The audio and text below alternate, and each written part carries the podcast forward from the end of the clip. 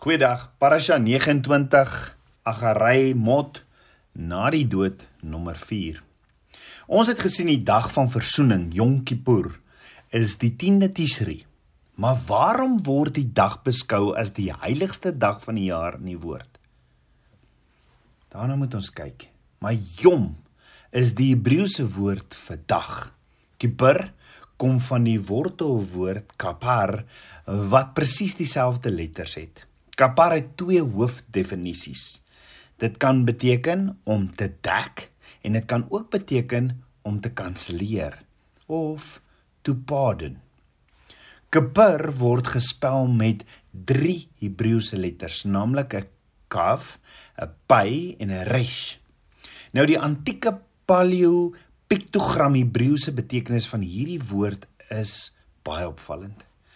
Kaf is 'n prentjie van 'n bakkerige gebuigde hand wat op iemand se kop gesit sou word. Let wel op die kop van iemand met nuwe gesag, nuwe autoriteit. Dit was die salfbrief aangesien al die konings en priesters deur handoplegging gesalf is. By die tweede letter se Hebreëse prentjie is 'n mond. Resh, die derde letter se Hebreëse prentjie is 'n kop. Die Hebreëse woord kapar leer ons dat ons hande, ons mond en ons kop hierso so bietjie gehighlight moet word. Onthou dit die engel van Abba Vader die kool van die altaar afgehaal het en dit aan Jesaja se lippe geraak het in Jesaja 6 was Jesaja gereed vir die dienswerk van Abba Vader. Met ander woorde as die gesalfde hand van Abba Vader jou mond aanraak, reinig hy die hoofinstrument wat die hele hoof heilig. Yeshua sê in Matteus 12 vers 37, want uit jou woorde sal jy geregverdig word en uit jou woorde sal jy veroordeel word. En in 'n soortgelyke toepassing, wanneer die bakkant die kaf oor jou mond geplaas word by voorkom dit dat iemand iets in die hitte van 'n oomblik iets sê waaroor hy of sy baie spyt sal wees en dit laat sy kop res heilig en rein bly.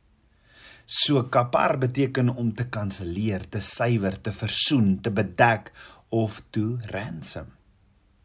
In die sekulêre sin beteken dit meestal om iets of iemand te koop met geld uit slawerny of 'n soortgelyke toestand of omstandighede. En dit is presies wat Yeshua, ons hoëpriester vir ons gedoen het. Hy het ons gekoop. Ons van slawerny verlos en ons sondes deur die prys wat hy betaal het aan die kruis het hy ons sondes bedek deur sy bloed. En hierdie lofprys het ons sondes gekanselleer. Ons tempels, ons tempels gereinig, ons tabernakels gereinig en ons wettige erfgename in sy huis gemaak. Maar laat ons nog so 'n bietjie dieper delf tot by die hart van Abba Vader. Want jy sien 'n goeie pa of vader probeer altyd om sy goeie eienskappe aan sy kinders oor te dra deur sy voorbeeld. Met dit in gedagte. Wat probeer Abba Vader sy kinders leer deur hierdie woord Kippur in al sy volheid, die woordjie Kippur van Yom Kippur in al sy volheid. As ons Abba Vader moet lief hê met alles in ons. En ons moet ons naaste lief hê soos onsself. Onthou dis die twee grootste gebooie. Dan sal alles wat Abba Vader doen mos in daardie twee kategorieë inpas, is dit nie? So hoe pas ons die dag van versoening of Yom Kippur in hierdie twee kategorieë van sy gebooie in? Kom ons kyk weer na die betekenis en ek dink dit sal duideliker vir ons word. Kapar beteken bedek, kanselleer, vergewe, versoen, reinig, suiwer, bevredig, afgesit, vergifnis, verlos en losprys. So hierdie woord gaan alles oor mense. Met ander woorde, Abba Vader leer ons hoe om mense te hanteer. In die woord word ons beveel om mekaar te vergewe, mekaar te verskoon, mekaar se skuld te kanselleer of uit te wis, om ons lewens van alle bitterheid en wrok te reinig en om mekaar te bedek wanneer ons in sonde gevind word. Jy sien ware liefde betaal vir iemand se skuld sonder dat hulle weet jy het dit gedoen. En dink daaroor. Het Yeshua nie vir ons skuld betaal sonder dat ons geweet het wat hy gedoen het totdat dit gedoen is nie? Net so. moet ons met ons hand uitreik en met ons mond verkondig dat ons mekaar vergewe, mekaar verskoon en die skuld teenoor mekaar kanselleer of uitwis. Wanneer ons dit doen, bring dit werklik die finale letter in die Hebreëse woord kippur na vore wat 'n nuwe begin is. Met ander woorde Yom Kippur is nie net 'n weerspieëling van ons sonde en wat Yeshua gedoen het om ons vry te maak nie. Dit is nie net 'n dag van vas en gebed en om met Abba Vader reg te maak nie. Yom Kippur is ook 'n leefstyl. Ons moet ander ook versoen net soos wat Abba Vader ons versoen het. Ons moet ander vergewe soos wat Abba Vader ons vergewe. Abba Vader sê, Yeshua leer ons bid in Matteus 6. Vader vergewe ons soos wat ons vergewe dan word ons moet ander se skuld vergewe en waarlik kanselleer of uitwis en Abba Vader die oordeel laat doen. In elk geval moet ons onsself neerlê voor die kruis en kyk vir geleentheid om Yeshua waarlik verander te wees. Jy sien dit is maklik om diegene lief te hê wat jou liefhet. Maar wie het diegene lief wat hulle seer gemaak het? En dit is waaroor Jonkie regtig gaan. In Matteus 18 is daar 'n gelykenis van die onvergewensgesinde dienaar wat sy skuld van 10000 talente voor vergewe is. Nadat hy vergifnis ontvang het, het hy besluit of gekies om nie die een wat hom 100 denarii geskuld het te vergewe nie en om hom eerder in die tronk te laat gooi. Toe die oorspronklike meester uitgevind het wat het gebeur, het hy sy voormalige dienaar laat roep en gesê: "Jou goddelose dienaar, ek het jou al hierdie skuld vergewe omdat jy my gesmeek het. Sou jy nie ook medelee met jou mededienaar gehad het nie, net soos ek jou jammer gehad het nie?" Maar hy het toe die ondankbare man na die martelaars gestuur totdat hy alles kon betaal het wat hy geskuld het. En hierdie storie, hierdie verhaal van Yeshua illustreer vir ons waaroor Yom Kippur ook regtig gaan. Daar was 'n skuld verskuldig van my. 'n Betaling is gemaak en 'n losprys is betaal om my uit die hel te laat kom. Maar die vraag is met watse wrokke sit ek en jy mee vandag? Of hoe baie laat ons nie toe dat bitterheid ons van binne af opeet nie? Of hoe baie hou ons nie ander gijslaers nie tronke van ons gedagtes totdat hulle die skuld betaal het wat hulle ons skuld nie? En die vraag is, sal ons diegene wat ons al as as gijslaers hou vrystel of sal ons voortgaan om betaling te eis vir alles wat hulle ons verskuldig is? Yeshua het vir sondaars gesterf. Ons moet meer en meer soos Yeshua wees en sterf vir diegene wat teen ons gesondig het.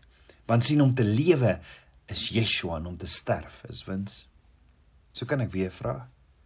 Moet ons as kinders van Abba Vader op hierdie allerheiligste dag, die dag van verzoening. Wat moet ons op hierdie dag van verzoening vier? Hierdie dag van Abba Vader, hierdie afspraak, wat moet ons op hierdie dag vier? Jy sien uit al die dae van die jaar herdenk hierdie dag meer oor wat Yeshua vir ons gedoen het as enige ander dag. As Yeshua op hierdie spesiale dag die tyd geneem het om die rol van die hoëpriester op hom te neem en vir my en jou se eie bloed op die altaar in die hemel geplaas het, dan is dit die minste op hierdie daad om hierdie daad te eer deur op hierdie dag te onthou en waar te neem, is dit nie? So waar is Yeshua se bloed vir my en jou besprinkel in Jerusalem? soos wat die hoëpriester die bloed 7 keer gesprinkel het voor die versoeningsdeksel in die tabernakel of in die tempel. Die eerste plek waar Yeshua se bloed gestort het, want hy is die hoëpriester, was in die tuin van Getsemane. Yeshua het alle vrees op sy skouers gevat en ook ons wilskrag om ja te sê vir Abba Vader en nee te sê vir die vyand. Die tweede plek waar Yeshua se bloed vir my en jou gestort is, is toe die Romeinse soldate vir hom 'n kroon gevleg het, 'n kroon van dorings en dit op sy kop gesit het. Yeshua vat hierdie slaan op sy kop sodat ek en jy rus en vrede in ons gedagtes kan hê en betaal so jy so betaal Yeshua met sy bloed daarvoor. En besef ons regtig Besef ons regtig wat Yeshua vir my en jou gedoen het? Besef ons die prys wat betaal is vir my en jou? Die derde plek waar Yeshua se bloed vir my en jou geval het, is toe hulle hom gevat het en hom gegeesel het. En ons weet Yeshua kry 39 houe vir die 39 groepe siektes, daardie root diseases op aarde. Ja Jesaja 53 vers 5 sê hy is ter wille van ons oortredinge deurboor ter wille van ons ongeregtighede is hy verbrysel. Dan die vierde plek waar Yeshua se bloed gestort het, ons hoëpriester, is toe hulle spykers tussen 17 en 22 cm lank gevat het en deur sy hande geslaan het op God op Golgotha. Yeshua het betaal met die bloed deur sy hande sodat ek en jy autoriteit het in Yeshua en om hande op siekes te gaan lê. Om Yeshua se hande en hande te gaan wees in 'n donker wêreld. Die vyfde plek waar bloed stort is waar die spykers deur Yeshua se voete geslaan word vir my en jou.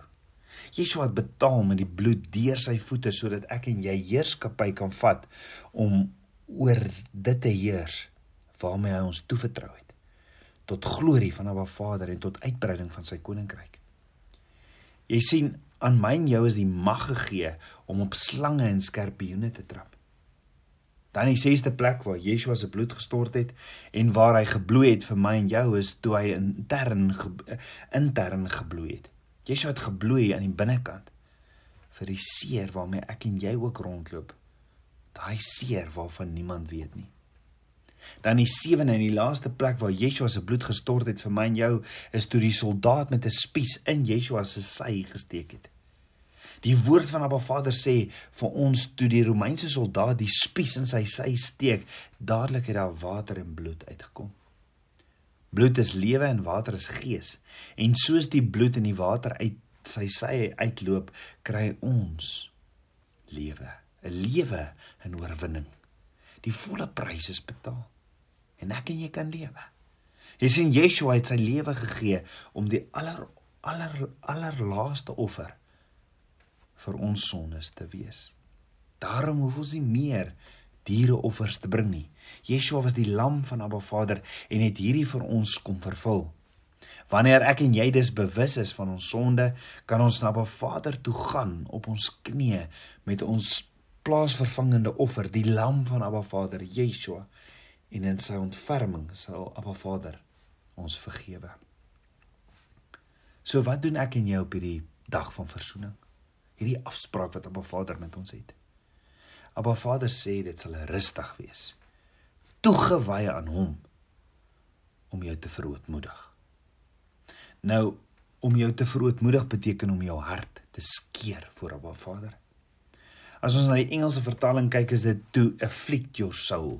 Afflict is in Hebreëus ana wat beteken om jouself neer te druk, te kwel, te verswak, te verdruk, om jouself van iets te weerhou. Die woord soul is nefesh wat beteken om my hart te skeer en dit beteken ook my eetlus. Met ander woorde, Abba Vader sê, moenie op hierdie dag werk nie, maar buig voor my, skeer jou hart voor my en spandeer tyd saam met my en vergeet van jou eetlus. En daarom vas ons op hierdie afspraak, hierdie dag van verzoening, Yom Kippur. Met ander woorde is 'n dag van absolute gebed en die hart oop skeer voor Abba Vader. Dis 'n dag van reiniging. So die fees dag van verzoening is 'n heenwysing na die vergifnis van sonde sowel as die verwydering van sonde. Ja, Yom Kippur, die dag van verzoening is 'n heenwysing na die feit dat Lucifer uiteindelik gebind gaan word. So die dag van verzoening vandag, Yom uh, Kippur, die dag van verzoening Die dag Yom Kippur is 'n herinnering van wat Abba Vader deur Yeshua reeds gedoen het en 'n kleuterrepetisie van die wederkoms van ons Messias. Jy sien, indien ons met ware berou terugkeer tot Abba Vader, te Shuva en sy woord, kan ons met geloofsekerheid sê Yeshua, ons hoëpriester, het die volmaakte prys betaal vir al my en jou oortredinge. Loof en prys Abba Vader. Kom ons bid saam. Abba Vader, skepper van hemel en aarde. Abba, ek loof en prys U. Vader, vergewe my my sondes en kom was my met die waterbad van u woord. Abba, leer my om te vergewe. Was my van enige bitterheid. Meer en meer van u, Papa God. Ek bid dit alles in Yeshua Messie se naam, die seun van Jahweh. Amen. Shalom.